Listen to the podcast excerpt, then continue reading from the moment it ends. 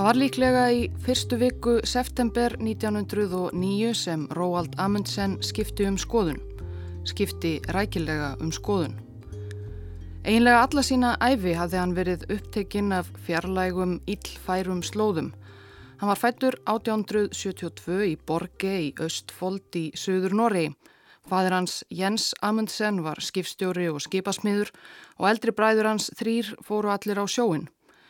En móður hans vildi að Róald færi aðra leið svo að hennar vegna skráði hann sig eftir stúdentspróf 18 ára í læknisfræði í háskólanum í Oslo. En hugur hans var ekki við námið. 15 ára hafði hann orðið heitlaður af frásögnum af hrakförum breska sjóherfóringjans og landkönnuðarins Sir Johns Franklins á norðurslóðum. Og 16 ára, 1888, hafði hann orðið uppnuminn þegar landi hans, Frithjóf Nansen, ekki nema 11 árum eldri en hann sjálfur, gekk fyrstur manna á skýðum yfir Grænlandsjökul. Háttíðar stemming var í Oslo þegar Nansen snýri aftur heim úr svaðilförinni. Amundsen skrifaði síðar. Með dunandi hjartslátt gekki um innan um borða og fagnaðalæti og allir draumar æskuminnar vöknuðu aftur til lífsins af fullum krafti. Og í fyrsta sinn heyrði ég í mínum lendustu hugsunum kvíslað skýrst og ákaft. Kanski geti þú fundið norð-vesturleðina. Þegar Amundsen var 21 lést móður hans og þá hætti hann fljótlega í læknisfræðinni og fór að einbeita sér að draumi sínum að verða heimskautafari. Hann stundaði linnulöst líkamsrækt, kynnti sér kortagerð og veðurfræði og sleðahunda og fór í langar fjallaskiðaferðir, fyrst í snæfilögðu nágrenni Osloar og síðar í Fimbul kuldanum á Harðangursheiði. Hann fór eitt túr á selveiðiskipi í norður Ísafi. Og í hvert sinn sem hann heyrði af einhverjum leiðangri á norð eða suðlægar slóðir, bauð hann sig fram til að vinna kauplust. Ég hef lengi verið haldinn djúbrið þrá að komast í einhvern af þessum áhugaverðu heimskautaleðangrum, en ímslegt hefur hindrað mig frá því til þessa. Fyrst og fremst vildu fórættra mínir að ég gengi mentavegin. Annað er aldur minn. Ég er 21 á skamal, ég er örlítið nærsýn en hef aldrei verið með glerugu. Það bar þó ekki árangur fyrir enn 1896. Þá fekk Amundsen ólaunaða stöðu í leiðangri belgísks sjóherfóringja Adrien de Gerlach á Suðursköldslandið. Skip de Gerlachs Belgíka var í slip í norsku kvalviðborginni Sandefjord fyrir ferðina höstið 1896 og Amundsen notaði þá tækifærið og sótti um. Það hefur kannski hjálpað honum að fá stöðuna þrátt fyrir reynsluleysi og örlítið nærsíni að einmitt haustið 1896 varð heimsbyggðinn þess áskinja hverju einmitt norðmenn gætu áorkað í heimskautaferðum. Þremur árum áður höfðu 13 norðmenn undir fóristu títnemds Frithjófs Nansen silt af staði leiðangur sem mörgum fannst hljóma eins og hið mesta glabræði. Þeir ætluðu að vísvitandi festa skipsitt í hafísnum norður af Sýberju í vonum að það myndi svo reka með hafströymum vestur í áttað Svalbardha og um leið þvert yfir Norðurpólinn. Skipið var sérhannað til leiðangursins með breyðum kjöl til að þóla betur þrýsting hafísins og úr sterkasta mögulega timbri. Fram var það kallað. Nansen og Fram sildu frá Noregi í júli 1893. Síðan spurðist ekkert til leiðangursmanna í þrjú ár eða þar til í ágúst 1896 að Nansen byrtist í höfninni í Vardö í norður Noregi um borði bandarísku skipi og með ótrúlega reynslu að baki. Hafandi fundist fram reka of hægt í vestur og of ódreiknanlega hafði Nansen í mars 1895 eftir næri tvö ára á reki stokkið af stað á samt skipverjanum Hjálmari Jóhansin og skýðað í norður í átt að pólnum. Þeir höfðu komist að 870 gráðu 13. mínútu, þremur gráðum lengra norður en aðrir menn á undan þeim, en svo neðst til að hörfa og endað á eigaklasanum Frans Jósefslandi þar sem þeir vörðu átta mánada heimskautavetri meira á minna nýður grafnir í hólu í jörðinni, tveir saman í einum sveppoka, nöguðu rostunga og selgjöt og hafðu þá eina skemmtun að lesa siglinga almanakið aftur og aftur. Ekki fyrir enn í desember eftir um nýju mánada ferðarlag hættu þeir þó að þjera og ávarpa hvor annan sem professor Nansen og herr Jóhansen. Um vorið skreittust þeir loks upp úr hólunni og komust sunnar á Frans Jósefsland þar sem þeir rákust fyrir tilviljun á bandaríska landkönnuði sem fluttuð á heim til Noregs. Fram byrtist svo líka í norskri höfn örfáum dögum síðar eftir að hafa rekið allaleið til Svalbardha og var óskattað eftir þrjú ár í hafís. Nansen varð umsvefalaust heimsfrægur maður og eins konar Nansen æði var einmitt í algleimingi þegar Róald Amundsen var ráðinn í belgika leiðangur Adrian de Gerlax.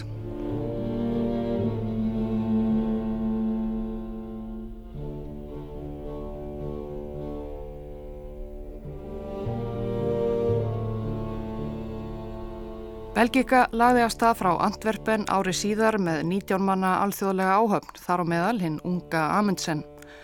Skipið áði í Brasilíu og Uruguay og kannaði svo strandlengju Suðurskött skagans svo nefnda sem tegir sig í áttina að Suður Ameríku. Í februar 1898 festist skipið í Hafís og var fast í næri því ár. Á þeim tíma veiktust margir skipverjar af skirpjú og öðrum meinum og nokkrir mistu vitið. Einn er sagt fór út á ísin og saðist að ganga heim til Belgiu. Hann skilaði sér ekki þangað. Það gerlak var ekki reyndur heimskautafari en meðal leiðungusmanna voru menn sem höfðu ferðast um norðurslóðir eins og bandaríski læknirinn Fredrik Cook sem hafi verið á Grænlandi. Amundsen notaði tækifærið í kuldanum og ömurleg heitunum um borði í Belgiku og reyndi að læra eins mikið og hann gatt af félögum sínum og af eigin tilraunum hvað virkaði og hvað ekki. Dagbók hans af skipsfjöl er samansapn minnispunkta. Læknirinn er í selskynsklæðum sem reynast mjög hendug, þau þorna fljótt. Klæða sér létt, hafa vasshelda öskju fyrir eldspítur. Snjóglerugu eru algjörlega nöðsynleg. Landið er bara eitt stór jökull. Að ferðast hér einn er brjálaði. Amundsen sneri heim í mæ 1899. Hann hjælt umsveifalaust áfram þjálfun sinni, sildi, hjólaði frá Noregi til Spánar eitt haustið sem líkamsrækt, las allar fáanlegar bækur norðurslóða fara og tók ítarlegar glósur. Það næsta sem hann ætlaði sér var það sem hann hafi dreymt um síðan hann var unglingur og varð vittni að háttíðahöldunum við heimkomu Nansens frá Grænlandsjökli, fara norðvesturleðina. Norðvesturleiðin var möguleg skipaleið milli Kirrahafs og Allandshafs í gegnum Norður Íshafið og heimskauta eigjar Kanada.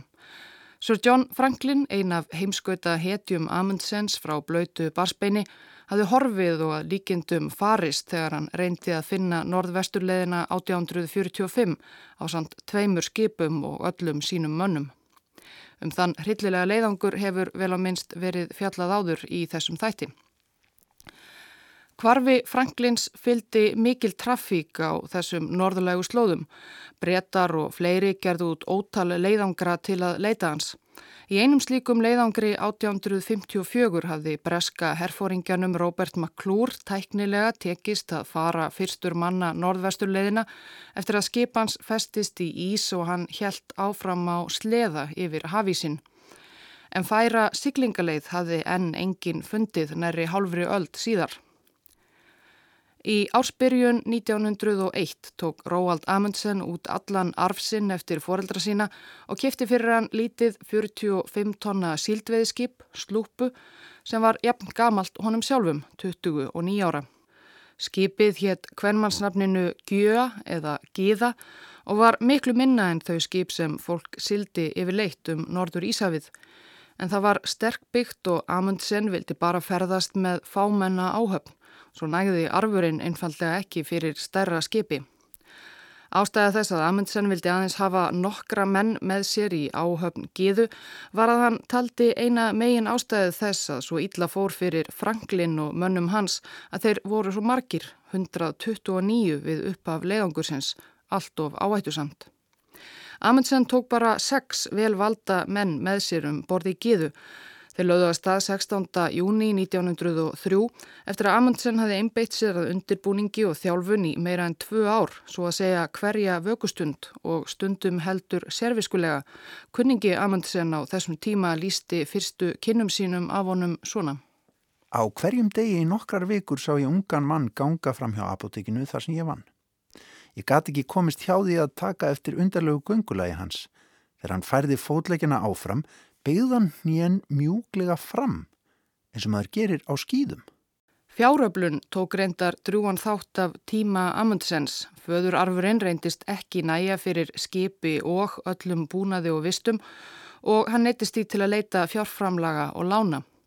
Honum þótti það slemt, ekki síst vegna þessa til að tryggja sér fjeðurti hann jú helst að gefa upp ferðaáform sín og Amundsen var aldrei sérstaklega mikið fyrir mikla upplýsingagjöf. Við fjáröflunina nautan aðstóðar bræðra sinna Gustafs og Leóns sem voru báðir í business og Frithjófs Nansens sem var eitt sá fyrsti sem Amundsen greindi frá áformum sínum og sem gaf honum ímsar dýrmætar ráðleggingar og kontakta. Að lokum gekk þetta þó ekki betur en svo að lánadrottnar voru þegar byrjaðir að eldast við Amundsen áður en leiðangurinn hófst og hótuðu því að gera gíðu upptæka upp í skuldir. Þess vegna lagði Gíða af stað frá Oslo í skjóli nætur. Þegar skipið var komið út úr norskri lögsögu tók Amundsen svo fram romflösku og áhöfnin skálaði fyrir því að hafa sloppið úr greipum lánadrótna.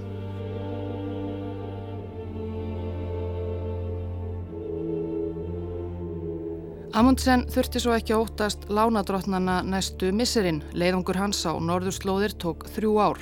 Gíða fór í kjölfar Franklins upp Baffinflóa millir Grænlands og Kanada og rann svo frekar áreynslu lítið í gegnum Ísin og Eijarnar, alltaf eigu Vilhjálms konungs.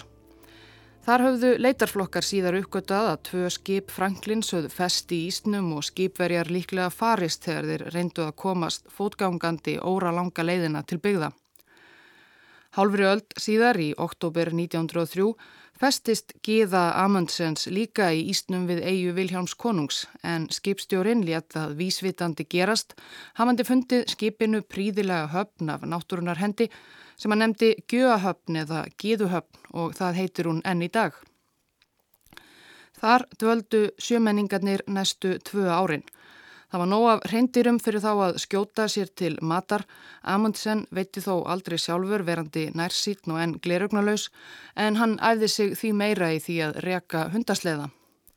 Þeir vinguðust svo versluðu við Inuíta í nágrenninu. Nettsilik Inuítarnir á eigu Viljáns konungs lifðu á vissanhátt eins og á steinöld en lifnaðarhættir þeirra voru þó fullkomlega aðlagaðir að óblíðri náttúrunni þarna á heimkinnum þeirra.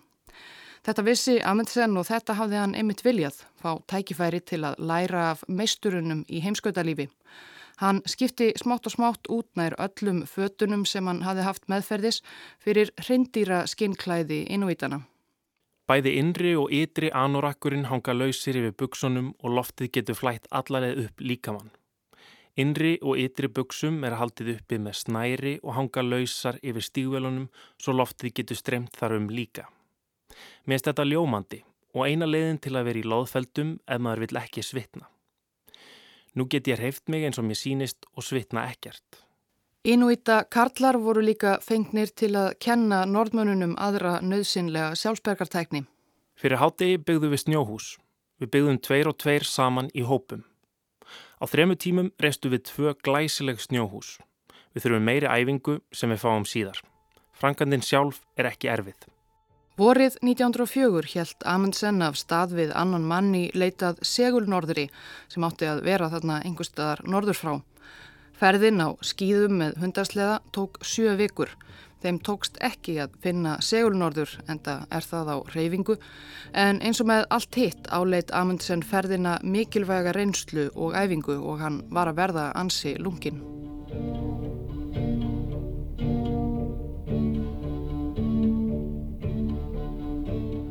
Eftir tvo vetur í Gíðuhöfn losnaði skipið úr Ísnum í ágúst 1905 og sildi af stað.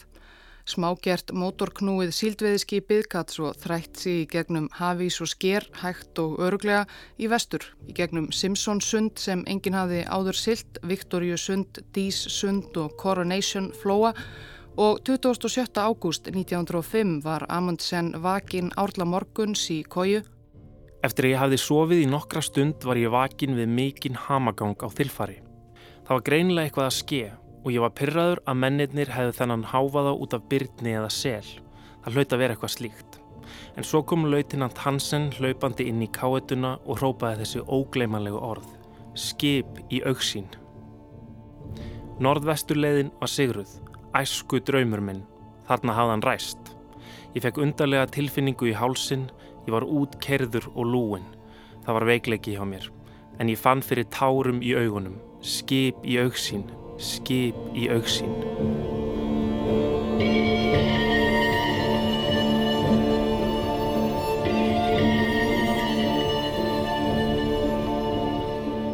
Þetta var kvalveðiskip frá austurströnd bandaríkjana.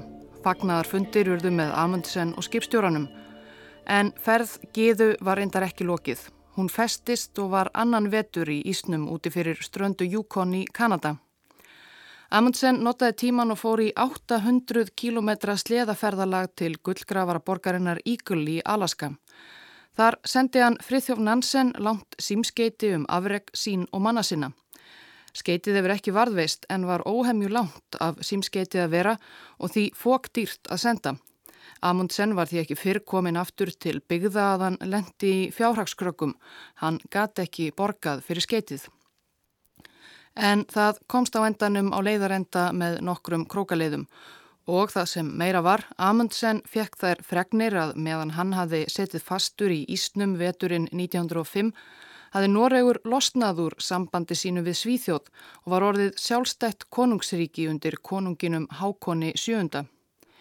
Og þegar hann komst svo loks allaleið heim var hann fyrsta hetja hins nýja konungsríkis, Róald Amundsen, sem sigraði norðvesturleiðina.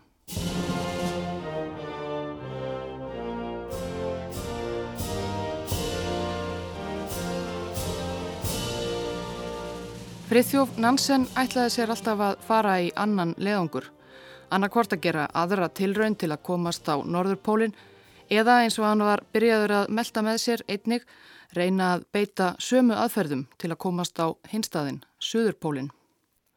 En það var tímafregur starfi að vera frægur pólfari og þjóðhetja eins og Nansen varð eftir heimkomu.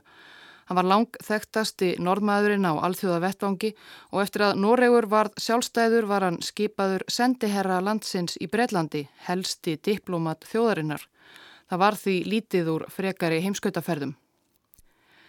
Amundsen fekk svipaðar háttíðarmótökur við komuna til Osloar í november 1906 og hann hafði 15 ára séð Nansen fá, skrúðgöngur og fána. En Amundsen var ekki á því að fara út í neina pólitík. Hann fór strax að hugsa um næsta leiðangur. Honum hafði ekki tekist að finna segulnorður, það voru vonbreiði, og nú vildi hann komast alla leið á Norðurpólinn. Í september 1907 knúði Róald Amundsen dýra á tilkom miklu setri Nansens pólhaugta eða pólhæðum í skói fyrir utan Oslo. Nansen var þá fluttur heim eftir nokkur ári í Lundunum. Amundsen var vísaðin í andiri og sagt að býða Nansens sem væri á efrihæðinni.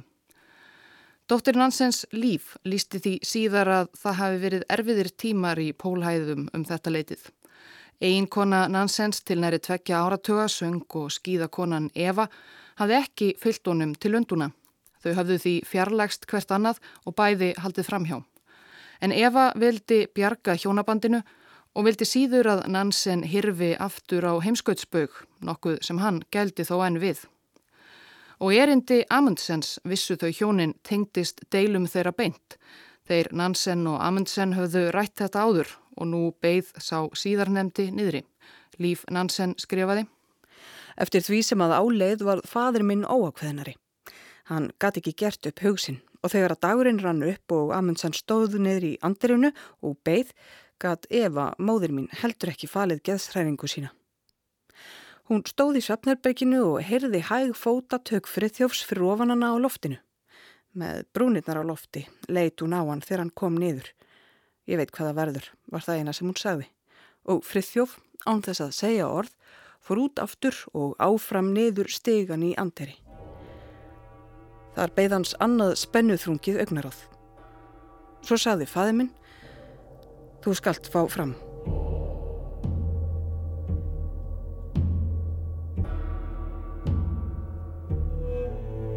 Það sem Amundsen vildi gera var einfallega að feta í fótsporun Nansens og því hafði hann farið þess á leit að fá heimskauðaskipið fram með sinn hnausþykka skrokk og sér hannaða kjöl sem gerði því auðvelt að renna í gegnum hafísvæðin, smjúa eins og all úr faðmi ísins eins og Nansen orðaði það eitt sinn.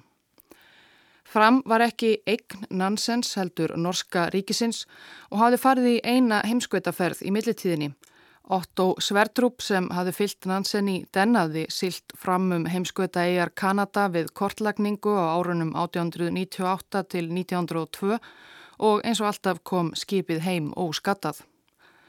En engum duldist að Nansen hefði alltaf fyrstur tilkall til skipsins og með því að lána Amundsen fram færi hann sjálfur ekki lánt og meðmæli hans voru nöðsynleg til að tryggja Amundsen skipið svo að eftir spennuþrungin og stuttan fundin í Pólhæðum höstið 1907 fór undirbúningur Amundsens á fullt.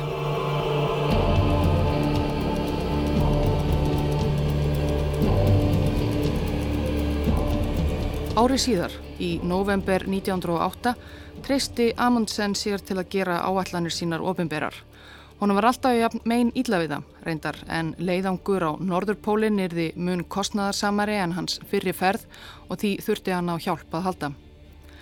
Amundsen ætlaði sér að fara aðeins aðra leið en Nansen, sigla fyrst í Kirrahafið og að austurströnd bandaríkjana, svo í gegnum Beringsund og þaðan að hafísnum sem hann áætlaði að myndi flytja fram yfir Norðurpólinn og svo til austurs á fjórum eða fimm vetrum.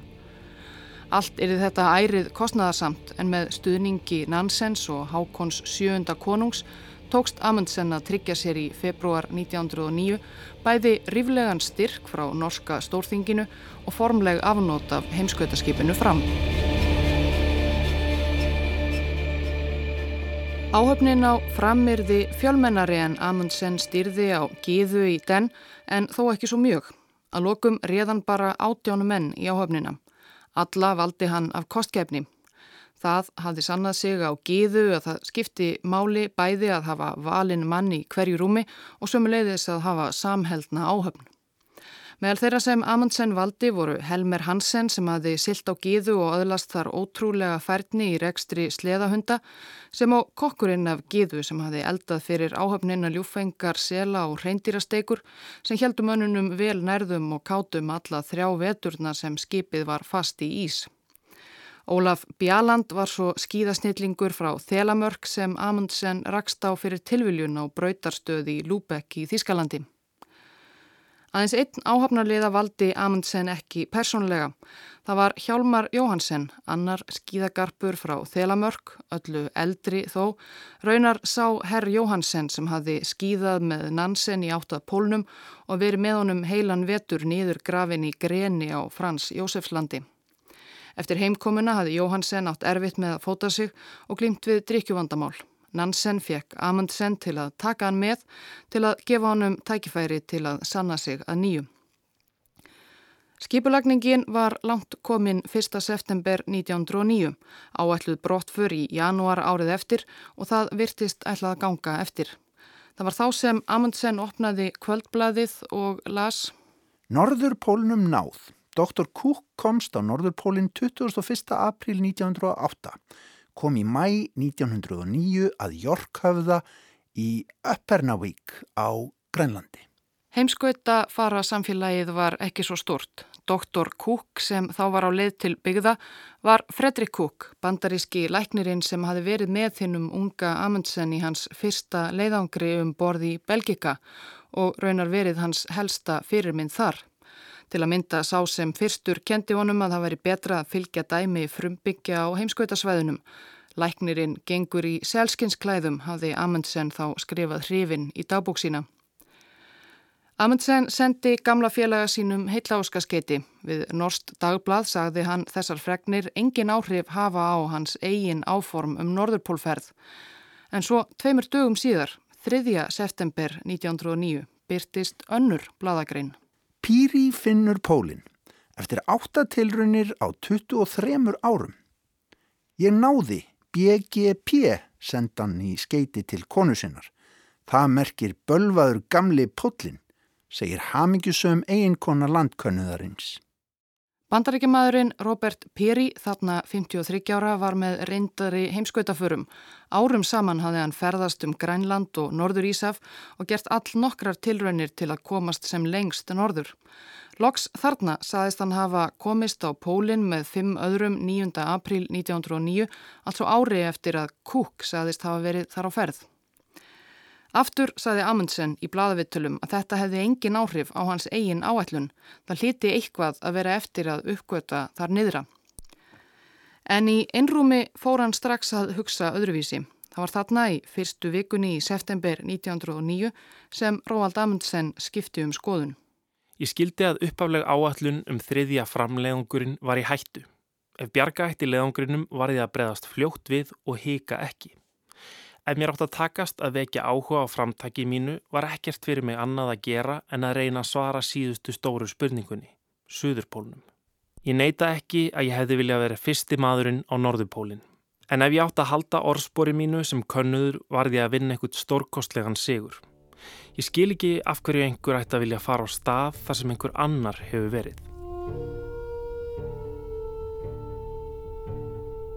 Að lokum var það málhelstu sérfæðinga að kvorki selskynsklætti læknirinn Fredrik Cook nýja gamla brínið Robert Peri hefðu í raun og veru komist alla leið á Norðurpólinn eins og þeir heldu fram, annarkvort miskilið staðsendingu sína eða logið til um ferðir sínar. En þegar það komst í hámæli var það allt of seint. Róald Amundsen stemdi söður, en hann sagði það engum, ekki enn.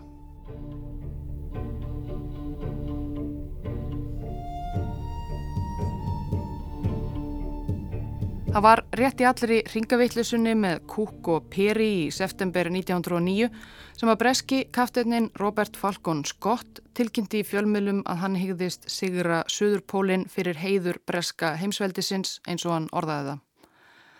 Leður í undirbúningi hans var heimsókn til Norex í mars 1910 til að prófa sérsmíðaða snjósleða og að auki hitta helstu heimskauta fara landsins. Frá því var greint í síðasta þætti að Skott eftir að hafa heimsótt Frithjóf Nansen hafði svo gert nokkrar tilraunir til að ná tali af Róald Amundsen án árangurs. Amundsen var aldrei heima. Það sem ekki fyldi sögunni í síðasta þætti var að í öll skiptin var Amundsen vísvitandi að forðast Skott. Hann vildi ekki tala við hann ef skekkinni að skott er þess áskinja að hann sjálfur stemdi líka orðið á Suðurpólinn, ekki norður eins og skott helt. Þegar skott byrtist með norska skíðagarpinum Tryggve Gran á heimili Amundsens sagði pólfarin Gustaf bróður sínum að segja gestunum að hann væri ekki heima. Svo faldi hann sig og beigði eftir að þeir gæfist upp og færu. Dægin eftir að Skott tilkynnti um Suðurpólsleiðangur sinn tilkynnti Amundsen að brottfur hans norðurábógin er þið frestað um hálft ár til sumars 1910.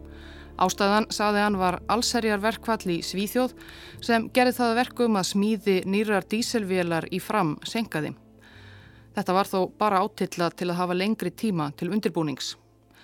Undirbúnings sem nú varð að fara fram með sífelt meiri aðgátt svo að enginn kæmist á snóðir um raunveruleg áformans. Hann pantaði til að mynda ný kort af söður heimskautsvæðinu í gegnum millilið í Lundunum. En hann var áfram í vandvirkur og hugsaði út í hvert einasta smáatriði í farmi fram. Flest frá skýðum og niður í snjóklerugu og oljubrúsa hannaði hann sjálfur.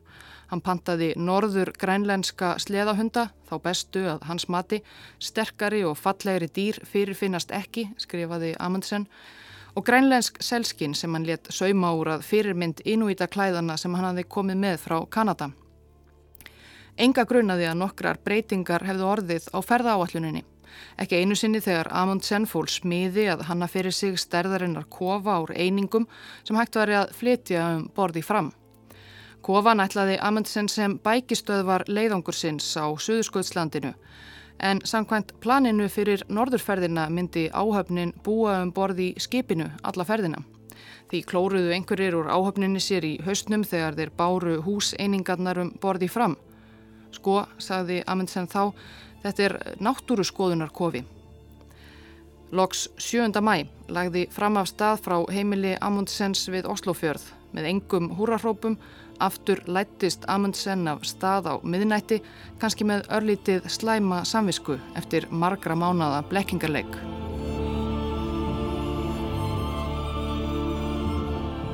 Lærifæðir hans Nansen fyldist að vísu með gamla skipinu sínu sigla af stað í næturstillunni úr útsýnisturni sínum í pólhæðum, hinum eigin í fyrðinum.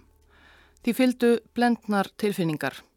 Það blundaði enni honum lönguninn að leggja sjálfur í leiðangur en nú var það greinilega um seinan.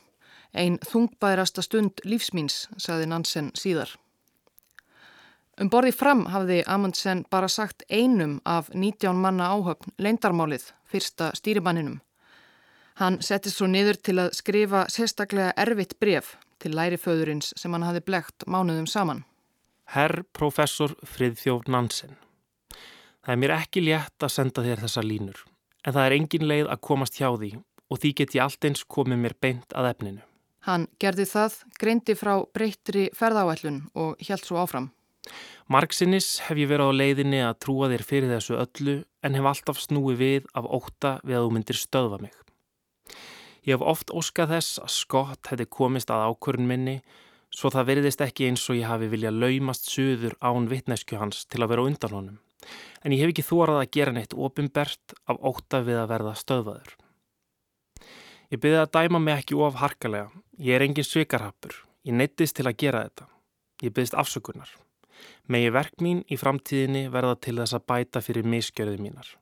Með mínum virðingafylstu kveðjum Róald Amundsen. Álíka bref skrifaði hann öðrum helsta stuðningsmanni meints Norðurpóls leiðangurs Hákoni 7. Noregskonungi. Brefin voru loks sendt frá portugalsku eiginni Madeira þar sem fram kom til hafnar 7. september á samtinu stutta en einnig frekar afsakandi símskeiti til Roberts Falcon Scott sem barst kafteininum mánuði síðar. Byðist velverðingar að tjá þér. Fram er á leið á suðuskautið. Amundsen. Þremur dögum síðar og bara þremur klukkustundum fyrir brottför frá Madeira sagði Amundsen áhöfn sinni loksins hvert ferðinni væri í raun og veru heitið. Þeir ráku flestir upp stór augum en allir fjallust á að halda ferðinni áfram, örði að vel enn spendari við tilhugsunina um að sigra Suðurpólinn. Frettinnar bárust í norsku pressuna um svipaleiti og skott fekk símskeitið í hendur. Fram sækir að Suðurpólnum. Ótrúleg tilkynning frá Róald Amundsen. Friðþjóf Nansen segir áformin dásamleg. Já, Nansen varð alls ekki móðgæður vegna blekkingana þegar hann fekk brefið frá Amundsen. Heldur mun hafa skammaðan góðlátlega í fjárveru sinni. Fýblið! Af hverju gata hann ekki sagt mér þetta? Hann hefði getað fengið allar áætlanina mínar og útreikningana. Nansen hafði á sínum tíma reynd að hjálpa skott í Noregi meðal annars fengið hann til að taka skýði og norska skýðagarpin Tryggve Gran með en nú var hann greinilega með landa sínum í liði.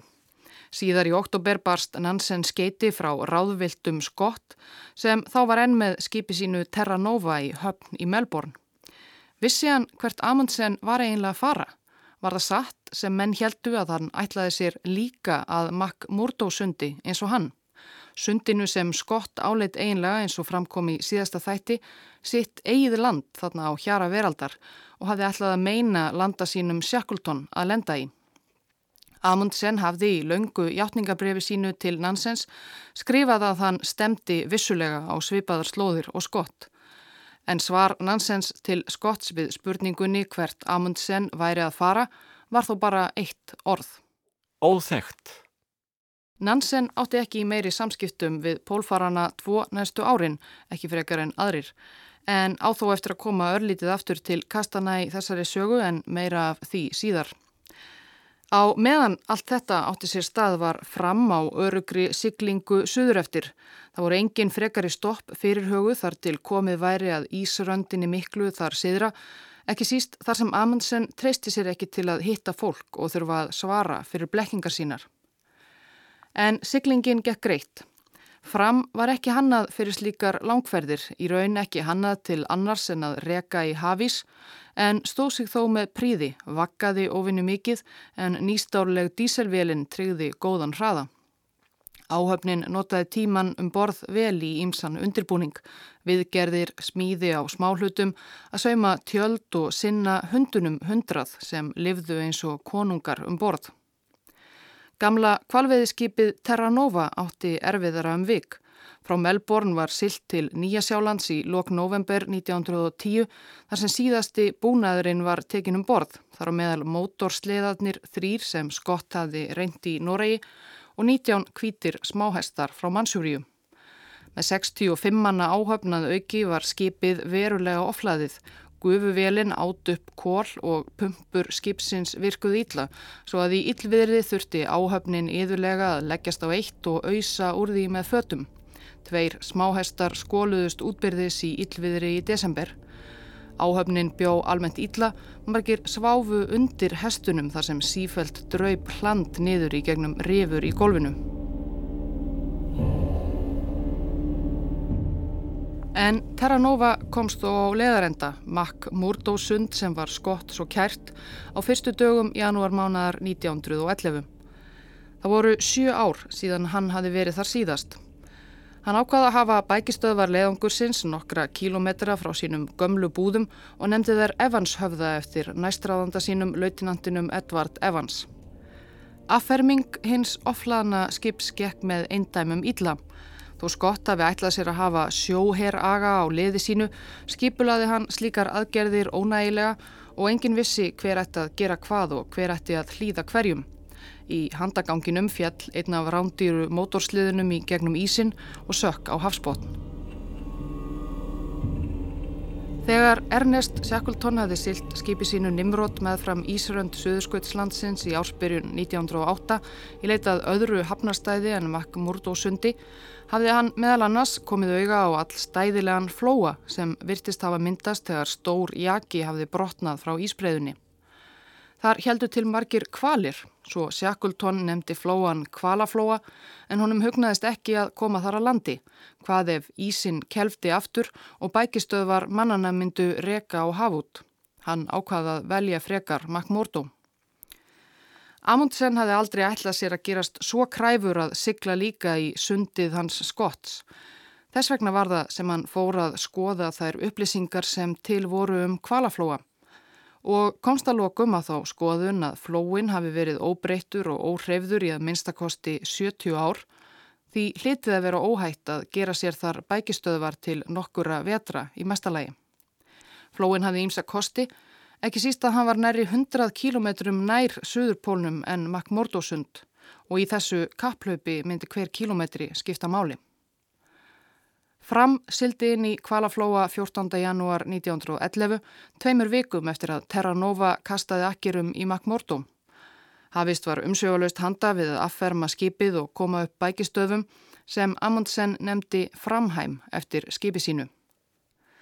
Affermingin gekk öllu betur hjá normönunum en það hafði Amundsen skipulagt allt fyrirfram hverja einustu sleðaferð með farm upp á ísinn. Á sex dögum höfðu þeir reist fjölmörg tjöld og einingahúsið sem auðvitað átti ekki að vera neitt náttúruskoðunar kofi heldur heimilið þeirra yfir heimskautaveturinn. Kvílíkt undraland skrifaði Amundsen í dagbók sína um framhæm. Í flóanum var endalust renneri af selum og mörgæsum sem ekki konnuðust við menn og óttuðust á ekki Á örfáum dögum höfðu norðmennir veitt, svo að segja, nóg af sel og mörgæsakjöti fyrir sig og hundana hundrað í heilan vetur. Amundsen bannaði mönnum sínum annars að drepa fleiri dýr en nöðsynlegt var og sumum blöskreði hversu mjög hann tók hvert óþarfa dýradráp næri sér. Það var komið fram yfir miðnætti 4. februar 1911. Norðmennir voru fluttir inn í litla kofan í Framhæm Um borði fram var einn varðmaður á vakt. Hann söip kaffi í eldhúsinu til að halda sér vakandi þegar hann heyrði allt í einu torkennileg óhljóð. Var þetta ísinn að brotna, hugsaði hann fyrst voru þeir allir dauðadæmdir strax í upphafi ferðar. En þegar hann kom upp á dekk reyndist orsökin önnur. Inn í kvalaflóa sildi veðurbarið þrýmastra skip undir breskum fána. Þetta var Terra Nova, skip Roberts Falcon Scotts. Um borði Terra Nova tóku skipverjar andköf og mikil ringulreið greip um sig. Annað skip þarna á hjara veraldar. Og margir brettana höfðu lesið heimskautasöguna og þekktu skipið strax af undarlegri lögun þess fram. Þetta voru norðmennir. Bölf og ragn ómaði um skipið. Á þilfarinu í fram fyldist vaktmaðurinn með Terra Nova kasta akkerum og tveimur mönnum fara frá borði, reyra á sig skýði og stefna að skipinu. Vaktmaðurinn þorði ekki annað en að grýpa riffilinn sem skipverjar notuð til selveiða áður en hann hjælt loks af stað til móts við aðkomumennina.